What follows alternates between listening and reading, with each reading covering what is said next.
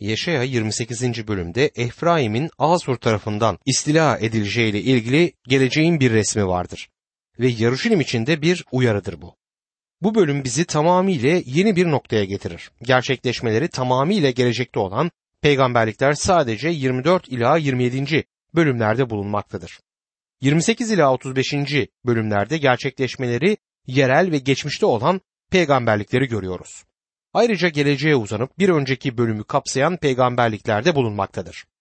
Bu yeni bölüm 6 nokta ile vurgulanmaktadır.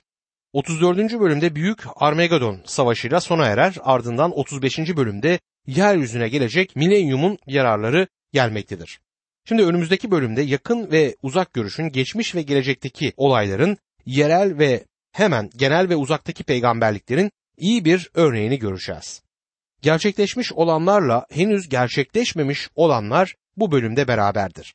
Burada Efraim olarak adlandırılan kuzeydeki İsrail krallığı kısa bir süre içerisinde Asur'a esareti getirecekti. Bu gelmekte olan gelecek günün bir fragmanı gibiydi. Ancak güneydeki Yahuda krallığı için bir uyarıdır. Asur kralı Şermeneser İsa'dan önce 721 yılında Efraim'i istila etmiş ve kuzeydeki krallığı alarak halkını esarete götürmüştü. Efraim'in hemen gerçekleşen esaretine bakalım. Bu ilk noktadır ve kuzeydeki krallık hakkındadır. Yaşaya 28. bölüm 1. ayette şöyle yazar. Vay haline verimli vadinin başındaki kentin, Efraimli sarhoşların, gurur tacının, şaraba yenilmişlerin yüce ve görkemli tacı. Solmakta olan çiçeği andırıyor der. Bu ilk vaydır. Efraim ve İsrail adı aynı zamanda Samiriye olan kuzeydeki on oymak için kullanılan eş anlamlı sözcüklerdi. Burada söze edilen sarhoşlar hem gerçek hem de ruhsal sarhoşlardır. Ruhsal anlayış konusunda bir uyuşukluk içerisindeydiler. Ruhsal bakımdan sarhoş olmak, gururla dolmak anlamına gelir. Yaşaya 28. bölüm 2. ayette Rabbin güçlü kudretli bir adamı var. Dolu fırtınası gibi. Harabeden kasırga gibi. Silip süpüren güçlü sel gibi o kenti şiddetle yere çalacak der. Burada Asurlu kuvvetli adam harabeden kasırga ve silip süpüren sel olarak resmedilmiştir. Yaşaya 28. bölüm 3. ayette ise Efraimli sarhoşların gurur tacı ayaklar altında çiğnenecek diyor. Belki bundan hoşlanmayacaksınız ama Tanrı bundan ötürü özür dilemez. Bizlere sadece ne yapmış olduğunu söyler. Peygamber burada sarhoş mecazını kullanır. Evleri, bahçeleri ve ağaçlarıyla dışa vurulan rahatlığı, dışsal güzellikleriyle kuzeydeki krallıkta yüksek düzeyde bir uygarlığı görüyoruz. Bunun doğru olduğunu görmek için bütün yapmamız gereken Samiriye tepesine çıkıp Omri ve Ahab tarafından bina ettirilen sarayı görmektir. Bu Ahab ve İzabel'in yaşadığı saraydı. Rab kötüler ve zenginlere yaşanacak en iyi yerleri veriyor gibidir ve bence bu şiirsel bir adalet gibidir. Kötüler ve zenginler için öbür dünya pek iyi olmayacak. Bu yüzden burada epey hoş bir hayatları var. Samiriye Tepesi ülkenin en güzel yerlerinden birisidir. Oraya çıktığımda Akdeniz'i, Ürdün Vadisi'ni, kuzeyde karlarla kaplı Hermon Dağı'nı ve güneyde Yaruşilim'in duvarlarını görebiliyordum. Dostum oturmak için bundan daha güzel bir yer düşünemeyiz. O tepeyi bir emlakçı satarsa orada bir arsa alıp küçük bir ev inşa etmeyi isterdim. Harika bir yer ama Tanrı kuzeydeki krallıktaki insanları yargıladı ve onların yüksek uygarlığını yerle bir etti. Çok uzakta bir yargı vardır şimdi. Şimdi peygamber geleceğe doğru ilerlemeye başlar. O gün sözü büyük sıkıntı zamanıyla başlayan ve milenyum boyunca süren Rabbin gününden söz eder. Yaşaya 28. bölüm 5. ayette şöyle der. O gün her şeye egemen Rab halkından sağ kalanlar için yücelik tacı, güzellik çelengi olacak. Bu geleceğe gelmekte olan milenyum krallığına bakmaktadır. Kuzeydeki krallık Efraim'in yıkımına neden olan şey gururdu. Bir gurur tacı taşıyorlardı ama gelecekte o gün Tanrı onları ülkelerine geri getirdiğinde bir yücelik tacı olacaktır. Yaşaya 28. bölüm 6 ve 7. ayetlerde ise yargı kürsüsünde oturanlar için adalet ruhu, kent kapılarında saldırıları geri püskürtenler için cesaret kaynağı olacak.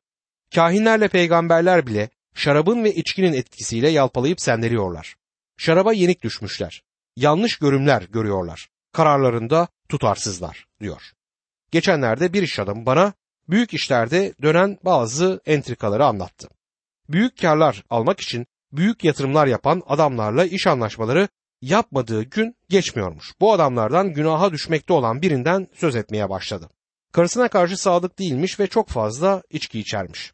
Son zamanlarda bazı yatırımlar hakkındaki değerlendirmeleri bu iş adamının ona borç para vermeyi sona erdirmesine neden olmuş. Bir adamın içkiye başlayıp günah dolu bir hayat yaşadığında iş hayatındaki zekasını kaybettiğini söyledi. Hristiyan olduğum için ön yargılı olabilirim ama uzun vadede yıllardır bunun doğru olduğunu da gördüm. Bu kişi bana bunu acı deneyimlerle öğrendim dedi. Şimdi Tanrı kuzeydeki krallık hakkında bazı gözlemlerde bulunur. İçkinin etkisiyle yalpalayıp sendeliyor. Gördükleri görümleri yanlış yorumluyorlar. Kararlarında tutarsızlar diyor. Yaşaya 28. bölüm 13. ayette ise bu yüzden Rabbin sözü onlar için buyruk üstüne buyruk, buyruk üstüne buyruk, kural üstüne kural, kural üstüne kural, biraz şuradan biraz buradandır. Madem öyle varsın sırt üstü düşüp yaralansınlar. Kapana kısılıp tutsak olsunlar diyor. Bu parça gibi parçalar geçmişteki bazı yorumcuların Yaşaya için sıradan bir peygamber demelerine neden olmuştur. Öğretmek yavaş, sabırlı ve sürekli bir iştir. Ruhsal gerçek bile böyle verilmektedir. Tanrı tembel ve uyuşuk birine gerçeği bir flaşla vermez. Her çağda insanlar dinden döndükçe ruhsal gerçeği bildirmek gitgide zorlaşan bir iş haline gelir. Zalimce dürüst olmak gerekirse Tanrı sözü konusunda cahiller. Sonra bütün sorunlarına yanıtlar verecek iki haftalık bir kurs olacağını işitiyorlar. Evlilik sorunlarını kayınvalideleriyle nasıl geçireceklerini, çocuklarına nasıl doğru yolu göstereceklerini ve nasıl örnek bir işçi olacaklarını buralarda öğreneceklermiş. Dostum size çok açık bir şekilde söyleyeyim. Ne kısa bir kurs ne büyük bir duygusal deneyim sorunlarınızı çözmeyecektir. Hristiyan yaşamında başarıya giden kestirme yol yoktur. Bir Hristiyan olarak büyümenin bir tek yolu vardır ve bu o kadar sıradan ve olağandır ki söylemekte tereddüt ediyorum. Tanrı sözü İsrail'e buyruk üzerine buyruk, kural üzerine kural, biraz şuradan biraz buradan verilmişti. Tanrı sözünü her gün okumanın getirdiği bir şeydi. Ne olmuştur? İsrail bunu izlememişti. Geriye düştüler yani geriye dönmüş durumdadırlardı. Yani gerilediler. Sorun başkalarından daha zayıf durumda olmaları değildir. Tanrı sözünde yeterince zaman geçirmemeleridir. Bu yöntemin çok heyecanlı olmadığının farkındayım. Ama Hristiyan hayatınızda büyümenin tek yolu buyruk üzerine buyruk, kural üstüne kuraldır. Yaşaya 28. bölüm 14. ayette bundan ötürü ey alaycılar, Yarışilim'deki bu halkı yöneten sizler, Rabbin sözüne kulak verin diyor. Kuzeydeki İsrail üzerine gelmekte olan yargı, güneydeki Yahuda için bir uyarı olmalıydı. Efraim Yaruşilim'e, Yaruşilim günümüzdeki bizlere ve Tanrı sözü de hepimize hitap ediyor. Tanrı bu kitabı dün değil, yarın yazmış gibidir. Hatta bütün bunlar sanki yarınki gazete haberidir. Yaşaya 28. bölüm 15 şöyle diyorsunuz. Ölümle anlaşma yaptık. Ölüler diyarıyla uyuştuk. Öyle ki büyük bela ülkeden geçerken bize zarar vermeyecek. Çünkü yalanları kendimize sığınak yaptık. Hilenin ardına gizlendik der. Ölüm ve ölüler diyarıyla anlaşma yapmak ne demektir? Daniel, İsrail'in gelecek olan prensi, günah adamı, Tanrı'dan uzak adam, inatçı kral, denizin canavarı ve toprağın canavarı, şeytan tarafından yönetilen kişi olan Mesih karşıtı ile yapacağı gelecekteki antlaşmadan Daniel 9. bölüm 27. ayette söz eder. Yaşaya 28. bölüm 16. ayette ise bu yüzden egemen Rab diyor ki işte Siyon'a sağlam temel olarak bir taş, denenmiş bir taş, değerli bir köşe taşı yerleştiriyorum. Ona güvenen yenilmeyecek. Günümüzde büyük sıkıntı zamanına kadar bir çığ gibi artacak olan insanların yaşamlarındaki sahtekarlık ve kandırmalara çözüm nedir? Tanrı bunu çoktan yanıtladı. Bu bir temeldir, denenmiş bir taştır. Değerli bir köşe taşıdır. Sağlam bir temeldir. Ona inanan kişi güvenliktedir, ona güvenebilir. 1. Petrus 2. bölüm 6, 7 ve 8. ayetler şöyle der. Çünkü kutsal yazıda şöyle deniyor. İşte Siyon'a bir taş, seçkin değerli bir köşe taşı koyuyorum. Ona iman eden hiç utandırılmayacak. İman eden sizler için bu taş değerlidir. Ama imansızlar için yapıcıların reddettiği taş, köşenin baş tacı, sürçme taşı ve tökezleme kayası oldu. İmansızlar Tanrı'nın sözünü dinlemedikleri için sürçerler. Zaten sürçmek üzere belirlenmişlerdir. Simon Petrus bu taşın Mesih olduğunu gayet açık bir şekilde bildirmektedir. Yaşaya 28. bölüm 17. ayette ise adaleti ölçü ipi, doğruluğu çekül yapacağım. Yalanlara dayanan sığınağa dolu süpürüp götürecek. Gizlendiğiniz yerleri sel basacak diye yazar. Bu insanlar için yargı yavaş yavaş gelmektedir. Sanırım günümüzde de aynı şekilde yargı yaklaşıyor. Bazen aniden gelir ama yavaş yavaş gelen yargı aniden gelen yargıdan daha kötü. Çünkü genelde o denli yavaş bir süreçtir ki farkına bile varmazsınız. Yaşaya 28. bölüm 20. ayette ise yatak uzanamayacağınız kadar kısa, örtü sarınamayacağınız kadar dar olacaklar.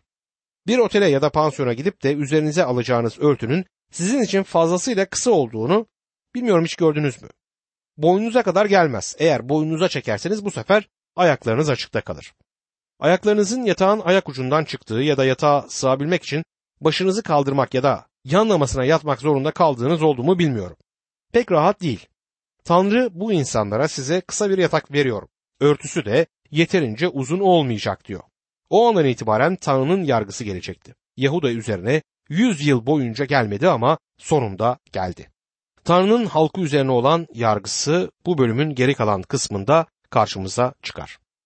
Bu bölümde buğdaylar ve deliceler benzetmesine benzeyen ayetler bulunur. Değişik türde tahıllardan, sert ve yumuşak tahıllardan ve bunları saplarından ayırmanın değişik yöntemlerinden burada söz edilir. Yaşaya 28. bölüm 25. ayette toprağa düzledikten sonra çörek otunu, kimyonu serpmez mi? Buğdayı sıra sıra arpayı ayırdığı yere kızıl buğdayı da onun yanına ekmez mi? diyor. Burada değişik tahıllardan söz ediliyor. Yeşaya 28. bölüm 27 ve 28. ayetler şöyle devam eder. Çünkü çörek otu harmanda keskin alette dövülmez. Kimyonun üzerinden tekerlekle geçilmez. Çörek otu değnekle, kimyon çubukla dövülür. Buğday ekmek yapmak için öğütülür ama boyuna dövülmez. Harmanın üzerinden tekerlek ve atlar geçse de buğdayı ezmez. Çiftçi yumuşak tahılları toplarken dikkatli olmalıdır diyor. Her tahıl farklı farklıdır. Şimdi Tanrı'nın da bu şekilde yargıladığını görüyoruz. Yargıdan hasat olarak söz edilir. Birey ya da ulus üzerlerine gelecek yargının niteliğini belirlemektedirler. Yani eğer katıysanız ve Tanrı'ya karşı koyarsanız sert tahılsınız demektir. Kırılmak için çetin bir cevizsiniz ve yargı sizin için şiddetli olacaktır. Bir adam kendine gelmeden önce karısını ve iki çocuğunu kaybettiğini söyledi. Tanrı'nın beni üç kez yere serpmesi gerekti çünkü ben çok katılaşmış bir günahkardım dedi. Tanrı sizi harmanda dövecektir ve eğer siz katıysanız yargı da katı olacaktır. Rab İsa Mesih Matta 13. bölüm 30. ayette bunu şöyle dile getirmektedir. Bırakın biçim vaktine dek birlikte büyüsünler. Biçim vakti orakçılara önce deliceleri toplayın diyeceğim. Yakmak için demet yapın. Buğdayı ise toplayıp ambarıma koyun. Matta 13. bölüm 41. ayette ise Rab İsa Mesih şöyle devam eder. İnsanoğlu meleklerini gönderecek. Onlar da insanları günaha düşüren her şeyi, kötülük yapan herkesi onun egemenliğinden toplayıp kızgın fırına atacaklar. Bu harikadır. Bizler kendi yargımızı belirlemekteyiz. Eğer onu dinlersek bizi buğdayların olduğu tarafa koyacak ve bizleri yargısının şiddetinden merhameti ve lütfuyla esirgeyecektir. Yeşaya 29. bölümde Yarışilim hakkındaki peygamberlikler o anki gelecekle başlayıp krallığa uzanmaktadır. Bu bölümdeki peygamberlikler Yarışilim'le sınırlıdır ama Senherib'in istilasından son istilacı Yarışilim'i yok edene dek uluslar tarafından ezileceği zamana ve Mesih'in gelip ayağının Zeytinlik Dağı'na değdiğinde kurulacak krallığa dek uzanır. Zekeriya 14. bölüm 1 ila 7. ayetler arasında şöyle yazar. İşte Rabbin günü geliyor. Ey Yaruşilim halkı! Senden yağmalanan mal gözlerinin önünde paylaşılacak. Yaruşilim'e karşı savaşmaları için bütün ulusları bir araya getireceğim. Kent ele geçirilecek. Evler yağmalanacak. Kadınların ırzına geçilecek. Kentte yaşayanların yarısı sürgüne gönderilecek. Geri kalanlar kentte kalacak. Sonra Rab savaş zamanlarında yaptığı gibi gidip bu uluslara karşı savaşacak. O gün onun ayakları Yarışlim'in doğusundaki Zeytin Dağı'nın üzerinde duracak. Zeytin Dağı doğuya ve batıya doğru ortadan yarılıp çok büyük bir vadi oluşturacak. Dağın yarısı kuzeye, öbür yarısı güneye çekilecek. Yarılan dağımın oluşturduğu vadiden kaçacaksınız çünkü vadi Asal'a dek uzanacak. Yahuda kralı Uzziya döneminde depremden nasıl kaçtıysanız öyle kaçacaksınız. O zaman Tanrım Rab bütün kutsallarla birlikte gelecek. O gün ışık olmayacak, ışık veren cisimler kararacak. Özel bir gün, yalnız Rabbin bildiği bir gün olacak. Gece de gündüz de olmayacak, gece aydınlık olacak diyor. Bu bölümü Rabbimizin Matta 23. bölüm 37. ayet, 24. bölüm 2. ayet ve Luka 13. bölüm 34 ve 35. ayetlerde konuşmalarıyla kıyaslamak yararlı olacaktır. Yarışilim tarihi ve peygamberlikler Yaşaya 29. bölümde sıkça karşımıza çıkar. 29. bölüm 1. ayette şöyle der. Ariel Davut'un ordugah kurduğu kent vay haline. Sen yıla yıl kat, bayramların süre dursun diyor. Yarışulim'in bir diğer isminin Ariel olduğunu bildirmek gereklidir. Ariel aslan gibi anlamına gelen sözcüktür. 2. Samuel 23. bölüm 20. ayette Yehoyada oğlu Kavsi Elli Benaya yürekli bir savaşçıydı. Büyük işler başardı. Aslan yürekli iki Moavlıyı öldürdü. Ayrıca karlı bir gün çukura inip bir aslan öldürdü diyor. Arslan gibi bir adam Ariel işte bu anlamdadır. Sözcük ayrıca Tanrı'nın aslını anlamında taşır. Hezekiel 43. bölüm 16. ayette şöyle yazar. Sunağın üst bölümü kare şeklinde olacak. Uzunluğu 12 arşın, genişliği 12 arşın. Aynı sözcük sunak olarak tercüme edilmiştir ve belirli durumlarda Tanrı'nın sunağı anlamına da gelebilir. Her ikisi de Yaruşilim için uygun ünvanlardır. Burada Davut'un oturduğu şehir olarak tanımlanmıştır. Aslan o ailenin işaretidir. Rabbimize Yahuda oymağının aslanı denilmiştir. Aynı şekilde Yarışilim'de Tanrı'nın tapınağının olduğu yerdi ve tabii ki Sunak da buradaydı. Bu Yarışilim hakkında harika bir peygamberliktir. Yaşayanın zamanında başlamış ve günümüze kadar devam etmiştir. Yarışilim sokaklarında yürürseniz bu peygamberliğin gerçekleştiğini ve gerçekleşmeye devam edeceğini göreceksiniz. Yaşaya 29. bölüm 2. ayette ama seni sıkıntıya sokacağım. Feryat figan edeceksin. Benim için sunak ocağı gibi olacaksın der. Bu Yarışilim üzerine gelecek olan yargıdır.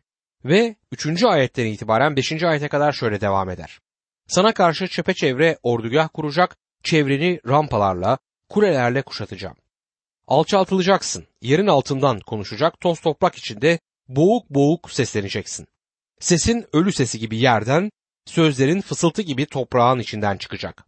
Ama sayısız düşmanların ince toz, acımasız orduları savrulmuş saman ufağı gibi olacak. Bir anda, ansızın diyor. Bu peygamberlik ulusların zamanının başlangıcını işaretleyen Nebukadnezar'ın Yaruşilim kentine gelip onu yok etmesinden önce verilmiştir. Rabbimiz ulusların zamanı bitene dek Yaruşilim'in uluslar tarafından çiğneneceğini söylemişti.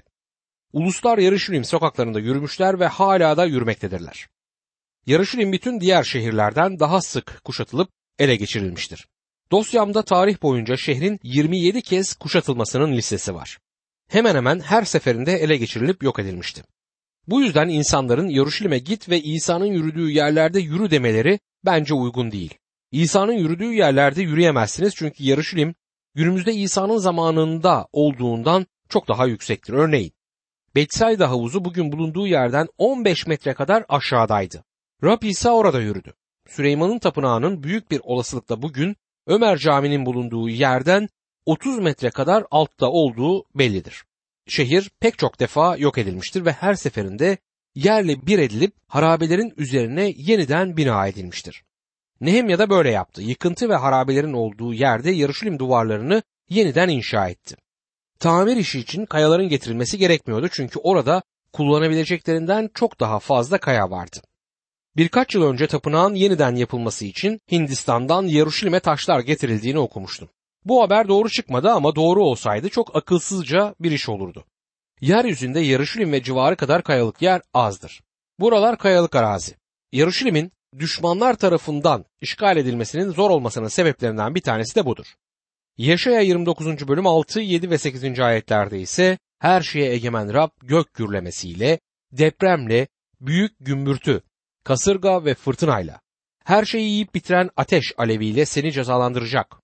Sonra Ariel'e karşı savaşan çok sayıda ulus, ona ve kalesine saldıranların hepsi, onu sıkıntıya sokanlar bir rüya gibi, gece görülen görüm gibi yok olup gidecekler. Rüyada yemek yediğini gören aç kişi, uyandığında hala açtır. Rüyada su içtiğini gören susuz kişi uyandığında susuzluktan hala baygındır. İşte Sion dağına karşı savaşan kalabalık uluslarda böyle olacak der. Yarışilim'in son kuşatılması en kötüsü olacaktır. Zekeriya 14. bölüm bunu anlatır. Ama Tanrı son anda işe el atacak ve halkını tamamıyla yok edilmekten kurtaracaktır. Tanrı'nın düşmanlarının kendi krallıklarını kurmak hakkındaki bütün hayalleri hüsranla sonuçlanacak ve Tanrı onları yenecektir. Tanrı aynen yapacağını söylediği gibi kendi krallığını kuracak ve onu kendisi yerleşik kılacaktır. Yaşaya 29. bölüm 9 ve 10. ayetlerde ise şaşırın, şaşkına dönün, kendinizi kör edin, görmez olun, şarap içmeden sarhoş olun, içki içmeden sendeleyin. Çünkü Rab size uyuşukluk ruhu verdi. Gözlerinizi mühürledi. Ey peygamberler, başlarınızı örttü, ey biliciler diyor. Yaşaya sıradan bir peygamberdir ve söyledikleri günümüz kültürüne uyar. Tanrı onları gerçekten uykuya mı bırakmıştı? Bunu nasıl yaptı? İsrail'e ışık veriyordu ve onlara ışık oldukça onlar da ışığı reddediyorlardı. Onlara verdiği gerçeği kabul etmediler. Onu göremiyorlardı. Bu da onların kör olduğunu ortaya koyuyordu. Tanrı'nın insanları uykuya sokmasının ve onların kör olduklarını göstermesinin yolu budur. Peygamberler ve prensler bile Tanrı'dan bu kurtarılmayı beklemiyorlardı. Tanrı'nın düşmanları kadar onlar da gelecek konusunda kördüler. Kör kütük sarhoş insanlar gibiydiler. Yaşaya 29. bölüm 11 ve 12. ayetlerde ise sizin için bütün görüm mühürlenmiş bir kitabın sözleri gibi oldu. İnsanlar böyle bir kitabı okuma bilen birine verip rica etsek şunu okur musun diye sorduklarında okuyamam. Çünkü mühürlenmiş yanıtını alırlar. Kitabı okuma bilmeyen birine verip rica etsek şunu okur musun diye sorduklarında ise okuma bilmem yanıtını alırlar diyor. Tanrı tarafından en son kurtarılışlarından önce Tanrı'nın halkı cahil insanların tutumu peygamberlerin anlaşılamayacak kadar karanlık bir şey olduğu ve hakkında hiçbir şey bilemeyecekleri mühürlenmiş bir konu gibi olacaktır. Birçok kilise önderi ve vaizin günümüzdeki tutumu bu. İlahiyat profesörleri ve vaizlerin vahiy kitabı mühürlenmiş bir kitaptır. Onu kimse anlayamaz dediğini duydum.